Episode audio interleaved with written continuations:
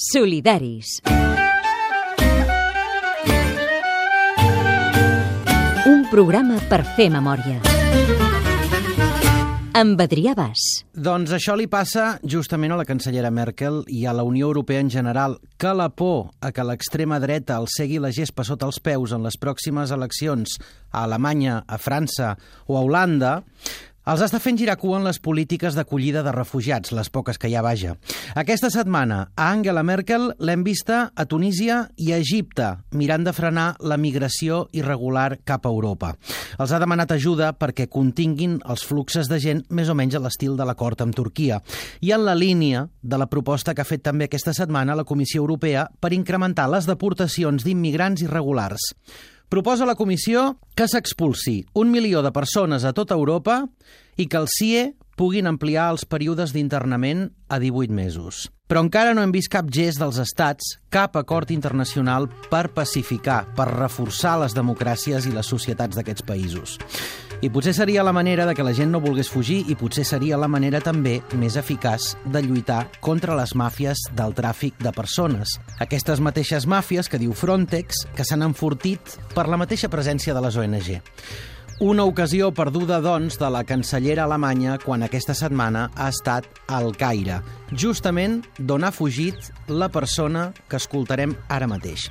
Es diu Ahmed Ali, i és un altre d'aquests activistes que cal protegir dels que parlem avui.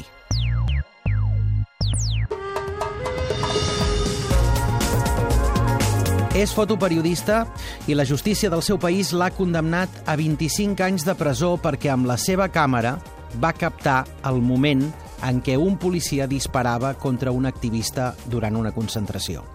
Ara, Ali viu a l'estat espanyol, acollit pel programa de protecció temporal per defensors en risc d'Amnistia Internacional.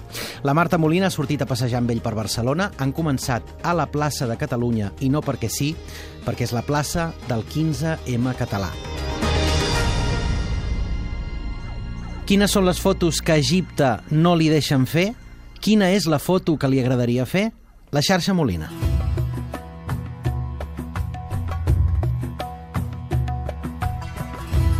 Ahmed Ali és egipci, és fotoperiodista i activista i pertany al moviment 6 d'abril, nascut l'any 2008.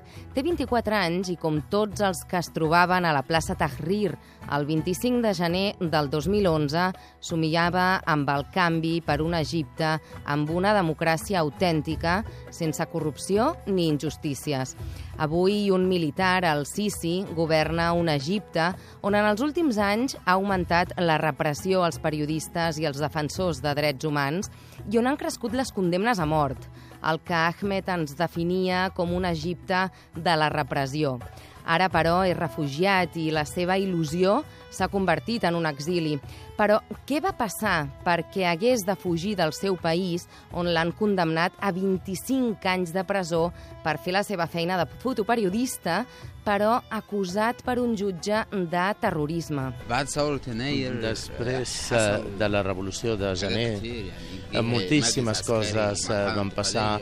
Una junta militar, una, un període de transició i després vam tenir un any de germans musulmans i va venir a la presidència Adel Mansour i eh, després vam acabar, com sabeu ara, amb el Sisi.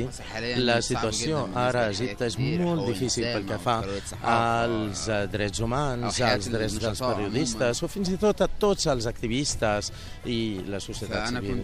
Jo treballava moltíssim sobre tota l'activitat política que hi havia a Egipte. I, i llavors, eh, la meva feina i també la meva participació amb el moviment del 6 d'abril eh, em van arrestar. I jo estava fent un documental sobre la vida dels periodistes després de la revolució i eh, em vaig estar arrestat durant 5 dies i després d'això em van condemnar eh, sense la meva presència un any després a 25 anys de presó. I aquesta és la raó que em va motivar a venir aquí. -huh. Tot i això, com a fotoperiodista i defensor de drets humans, després de ser arrestat i condemnat, tenia clar que algun dia passaria i que calia perdre la por per conquerir la llibertat. تمام وقت ما اعتقل علي a mi quan em van arrestar ما كانش الحياه سوداء خالص بالنسبه لي per mi la situació no era fosca. Tenia l'esperança que quan més eh, salvatge sigui el eh, règim i més eh, persones arrestades hi hagi, llavors la llibertat arribaria encara més, eh, més aviat. Eh, perquè si es comportava així el règim, això volia dir que tenia por i aquesta eh, por eh, per a nosaltres era un èxit. Nagui Shehata és el jutge que ha condemnat l'Ahmed i ha dut a la presó a més de 60.000 activistes. En l'Egipte actual hi ha campanyes en contra dels jutges com ell, que tenen el suport del règim.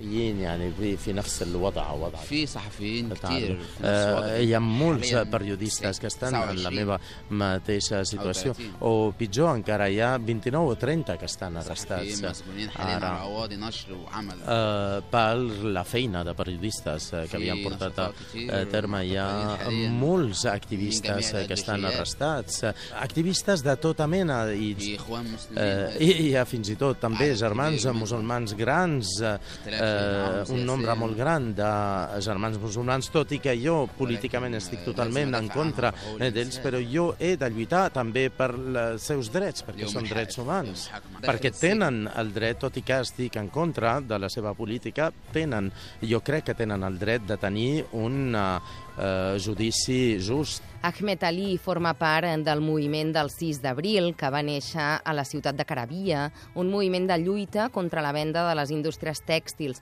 Ara el govern diu que és una organització terrorista i molts d'ells no poden treballar ni viure tranquil·lament per por de ser arrestats. Eh, hi ha molts eh, dels membres del 6 d'abril que estan fora eh, d'Egipte per culpa de eh, sentències com la meva, per exemple.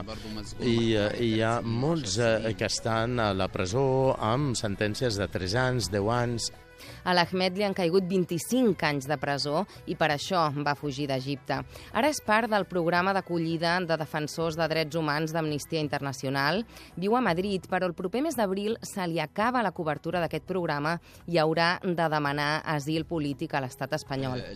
En general, jo personalment, jo com a fotoperiodista o com a fotògraf, jo crec que el fotògraf és, eh, té un paper molt, molt molt, molt més important que els altres papers eh, dels eh, periodistes, eh, eh perquè una foto val més eh, que mil informes escrits. Doncs en aquest sentit m'agradaria, Ahmed, que em descrivissis una de les teves fotos que, que quedaran a la retina de molta gent durant molt de temps. أنت ستبقى آه، خلال سنوات يعني في ذهون الأشخاص يعني. آه، هي صورة آه، És una foto آه، d'una activista política que es diu Shaima تم ضربها بالنار ك- من قبل ضباط شرطة في ضربها ذكر. بالنار آه. que va ser assassinada a trets eh, per un franctirador كانت مظاهرة في ذكرى ثورة i يناير eh, això va ser durant una Una manifestació per celebrar o- l'aniversari قدموا eh, de la revolució de eh, gener. Ella tenia un eh, ram de flors i l'estava presentant als oficials, ولكن i- تم الغدر بهم من قبل الشرطة però eh, la policia eh, sí que la va فأنا شفت الضابط وهو matar. بيضربها I قدام jo عيني وجريت vaig وصورتها veure بعد ما a l'oficial com l'estava matant davant eh, meu i jo em vaig fer una الصورة كانت foto واضحة i إن طلقة la داخلة هنا foto, la foto és molt clara, es veu el tret com entra al seu cap. دي كانت صورة بالنسبة لي Aquesta مهمة. foto per mi va ser una, eh, potser la foto més important.